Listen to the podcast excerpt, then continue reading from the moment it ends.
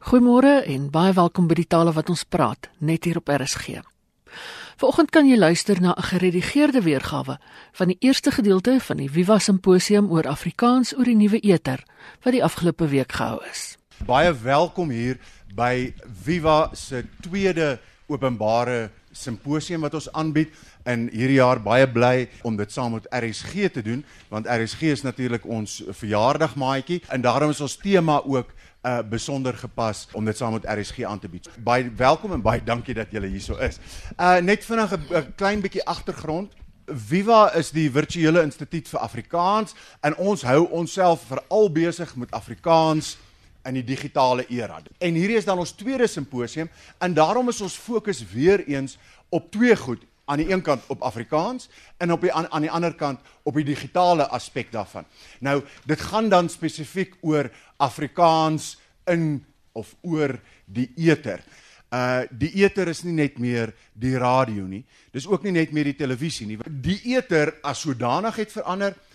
Maar hoe lyk die Afrikaans wat binne in daardie eter is? Nou as 'n mens bietjie in die Afrikaanse taalkunde rondkrap, dan is die tema van Radio Afrikaans, een van die oudste temas wat beskryf is en gereeld beskryf word in velerlei publikasies. So hoe het Afrikaans verander? Wat is dit wat mense wil hoor? Wil hulle nog nuus hoor in Afrikaans of wil mense eintlik nuus hoor in Engels uh ensovoorts ensovoorts. Dit is die konteks van hierdie simposium van vandag. Magdalene en ek gee oor graag oor aan jou.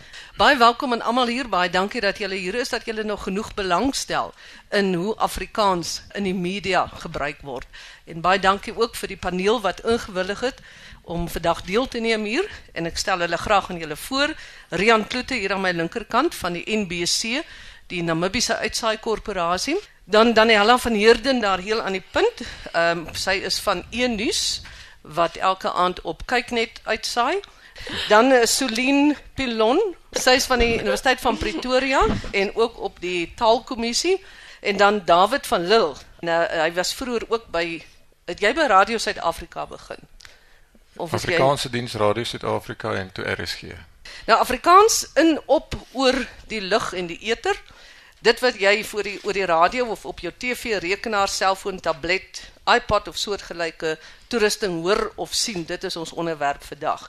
Nou 80 jaar van Afrikaanse radio, uh aanvanklik net as die nasionale openbare uitsaaiers Afrikaanse diens, daarna televisie Afrikaans bygekom en later privaat en kommersiële en gemeenskapsradiostasies wat Afrikaans praat.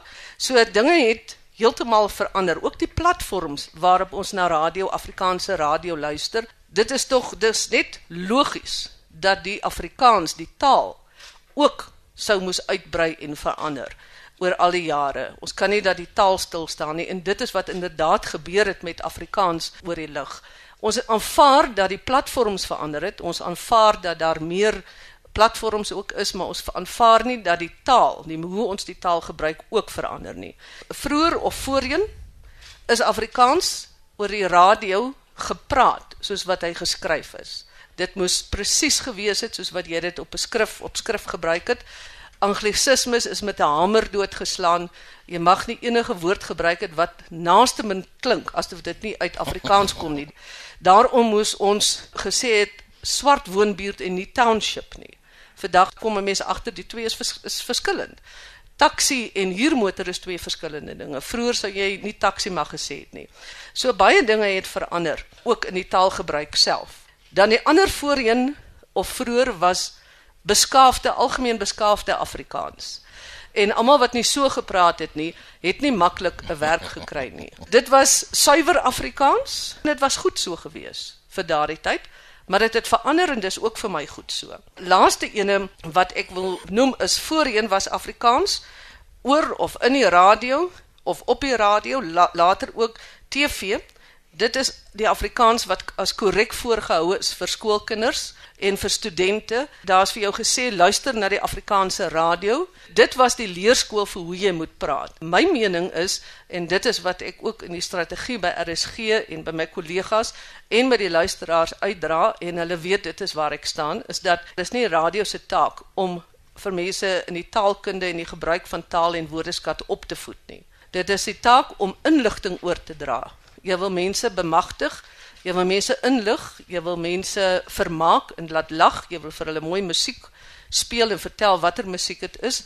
Jy wil nie vir hulle lesse gee nie. Dan natuurlik voordat almal dink dit is nie die taak van Afrikaanse radio om darm iewers te probeer om die taal darm op die regte pad te hou nie. Enige taal in die wêreld het 'n formele afdeling. Enige taal in die wêreld het taalreëls. So daar moet 'n sekere mate van orde wees. En daardie orde kan gehandhaaf word in formele dinge op die radio soos die nuusbulletins. So die gebruik spesifieke programme, spesifieke genres waarin jy daai funksie oordra en waarin jy vir mense help. Wat my bekommernis is dat ons oor 10 jaar, so so kort as 10 jaar, gaan sit met Afrikaanssprekers wat nie meer Afrikaans kan praat nie. Want die manier hoe ons Afrikaans praat het regtig verarm, die die woordeskat het ver, verklein, geweldig verklein. Die die idiomatiese gebruik van Afrikaans het geweldig verarm en die groot aanslag vir Afrikaans is nie die Universiteit van Stellenbosch nie. Die gevaar lê by ons wat hom nie kan praat meer nie. En dit gaan vir my nie oor tongvalle nie. Dit gaan vir my oor die Engels. Ek luister na gesprekke van sport sportsterre en dan kunstenaars as jou as jou gesprek met 'n onderhoudvoerder deurspek is van awesome en geek in die audience en die gameplan en die coach dit is die goed wat wat 'n gevaar is vir Afrikaanse voortbestaan. Kom ons gaan aan met ons gesprek hier en ek dink ons begin by jou Daniela. Kom ons hoor wat sê jy? Hoe verskil die Afrikaans deesdae? Hoe ervaar jy die gebruik van Afrikaans in die medium wat jy werk? Sover ek kan agterkom nie te veel van 'n verskil in formaliteit soseer nie. TV het soos jy maar net gesê die voordeel dat jy beeld tot jou beskikking het. So jy kan sê hierdie man of jy kan jy kan wys waarvan jy praat. Maar as ek radio en nuusbulletins luister, dan is dit vir my redelik nogal dieselfde wat nuusbulletins betref. Binne ons bulletin self is daar 'n verskil in styl die nuuslesers en weer aanbieders lees die teks wat vooraf geskryf is van 'n teleprompter af. Dit sal die meer formele Afrikaans wees wat ons vooraf skryf en dan aflees soos die soos die bulletin vorder. Dan het ons veldverslaggewers wat insetsels saamstel en dit is gewoonlik 'n bietjie meer informeel. En dan die meeste informeel is wanneer ons gaan onderhoude voer met mense. Dink jy daar behoort 'n eenvormige styl te wees vir die gebruik van Afrikaans oor oor die hele spektrum of moet elkeen sy eie kan doen sy eie styl wees. Ek dink nie so nie want ek dink selfs die sprekers praat verskillend en voel verskillend daaroor. Ehm um, en en daar moet en het, jy kan luister na jou kykers en wat hulle sê en as jy verskillende dalk 'n jonger demografie of 'n ouer demografie of net net mense wat verskil oor hoe hulle oor taal voel. En later as iets ek dink natuurlik slegs op een manier uitgespreek word dan sal dit tog outomaties al so opgeneem word. David van Lille, jy sal ook baie um, nou terugdink aan vir ons eintlik die beste oorsig kan gee van hoe die gebruik van Afrikaans oor die tye verander het. My is gevra soos vriend Willem en Staalburger sou sê om te praat oor die verandering in die laaste 30 jaar. Nou is toevallig die tyd toe ek begin het by die ou Afrikaanse diens 1985.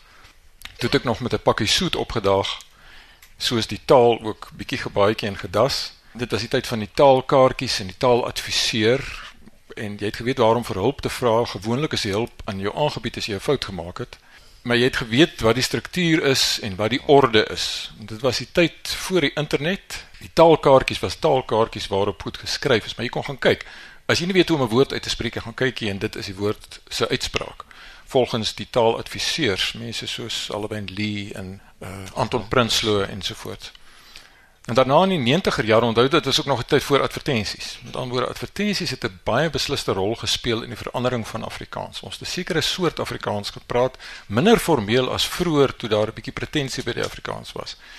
Toe kom ons by die advertensies wat bykom. Ons het gedink in terme van die grootheid daarvan is dit net so tussen die maanlanding en die hartoortplanting. Ons het gedink is die einde van Afrikaans. Die advertensies het 'n minder formele, amper informele vlak aan die Afrikaans by die Afrikaans ingebring. want die adverteerders moes Afrikaans gebruik om iets te verkoop.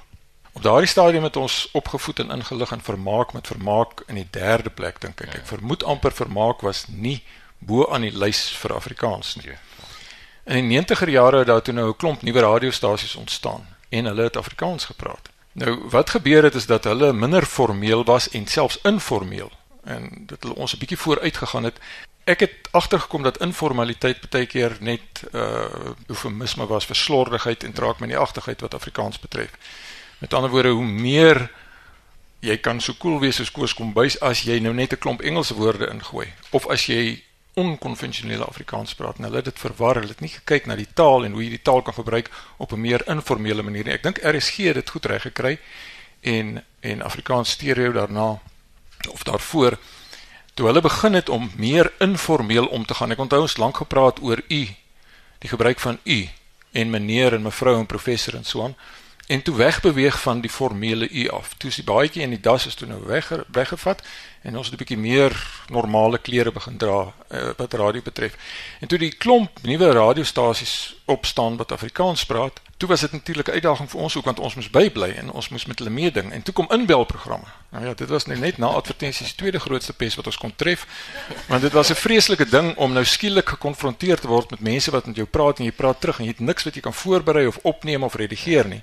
Dis soos dit is. Dit het uitdagings gebied, maar dit het ook 'n nuwe dimensie aan Afrikaans gegee en daarna die internet gekom en toe het Afrikaans net ontplof op die op die radio. Radiostasies het het oral heen gegaan en wel RSG kan nou deesdae in Rusland gehoor word op enige ander plek in die wêreld. Dan word Afrikaans het uitgebrei oor die hele wêreld. Nou die verandering wat ek agtergekom het is dit gaan goed met Afrikaans. Ek dink die feit dat daar so 'n klomp radiostasies is maak dat dit goed gaan met Afrikaans. En soos ek nou dag vir Gerard geskryf het, dit kwetter en kweel en sing en juig en jubel.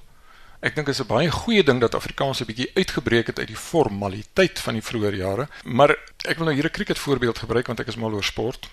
Jy toets cricket gekry tot 1971. Formeel, jy speel so en nie so nie. As jy so speel dan dan word jy die span gehou. En die manne wie se houe reg is, is in die span en in die boeke die voorbeelde van hoe gespeel moet word.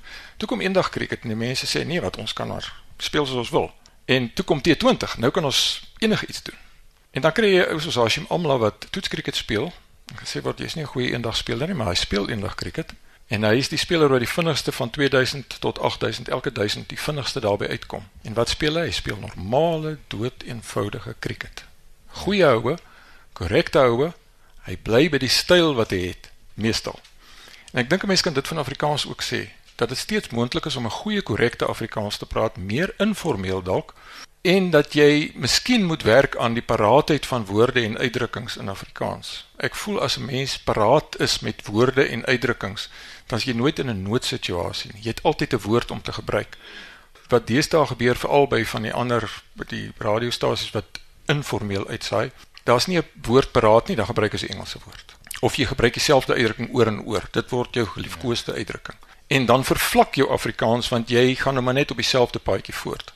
Ek dink Afrikaans uitsaai Afrikaans iets wat jy moet oefen. Ek het agtergekom dat oefening help en jy jy kan 'n standaard van Afrikaans handhaaf wat nog steeds goeie en korrekte en suiwer en mooi Afrikaans is en jy kan Afrikaans laat sing op daardie manier.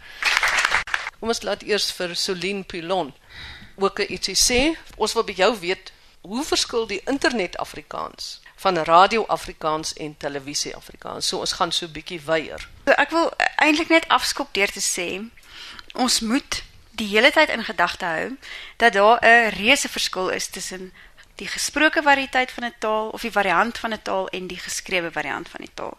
En die verskil is min of meer dat die geskrewe variant van die taal um word genormeer. So daar's mense wat sê jy moet woorde so spel, jy moet sinne so skryf en so aan. Die gesproke variant aan die ander kant is natuurlik altyd nog geheg aan die geskrewe variant van die taal, maar die gesproke variant van die taal is baie vryer en dinamieser en en verander baie vinniger omdat dit nie so deur sulke spesifieke reëls aan bande gelê word nie. So taalverandering en wanneer daar veranderinge plaasvind in 'n taal, begin dit altyd in die geskrewe variant van die taal. So mense begin om dinge op 'n ander manier te sê en dan as hulle dit genoeg gesê het, dan begin hulle dit so skryf en dan sodra mense dit genoeg geskryf het, dan moet standaardiseerders, liggame soos die taalkommissie, kennis neem van hierdie verandering in die taal en dit vind dan neerslag in die reëls. So dan verander die taal se reëls. So taalverandering begin altyd in die gesproke variant want daai variant is nie deur norme en reëls aan bande gelê nie. So as as dit nie was vir hierdie dinamiese aard van gesproke taal nie, dan sou ons nie taalverandering gehad het nie, want dit is waar dit begin. Ehm um, Magdalene het gesê Afrikaans is baie minder idiomaties deesdae en ek wil lynreg van jou verskil wat dit betref.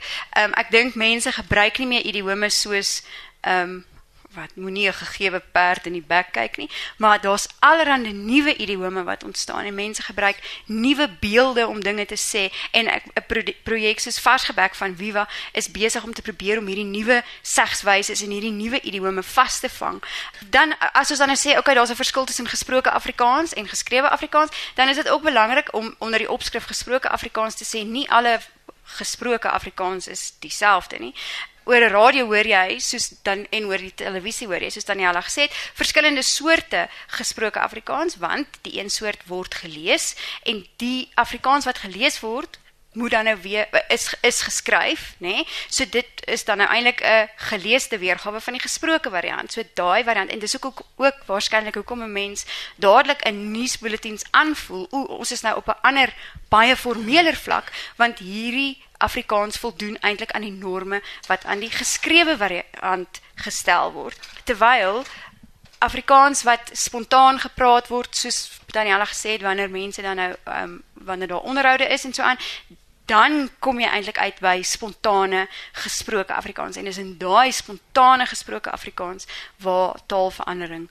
um, uiteindelik ontkiem dan dit is ook belangrik om natuurlik te onthou verskillende gebruikssituasies stel verskillende vereistes aan die taalgebruik. So ehm um, omdat ons nou wat ons wat Magdalena genoem het internet Afrikaans het en dis dan eintlik die Afrikaans van potsendings en vlogs en so aan. Ehm um, het ons nou hier teenoor meer formele situasies soos um, radio Afrikaans en televisie Afrikaans en ek dink daar's daar's verskille tussen die twee mediums uh, wat ook lei tot verskille in die taalgebruik wat die mediums noodsaak. En een belangrike verskil dink ek is die verwagtinge wat jou luisteraar van jou het. So op 'n op 'n radiostasie byvoorbeeld, uh moet jy 'n baie breë mark uh in ag neem wanneer jy besluit hoe die taal gebruik op daai radiostasie um, moet verloop.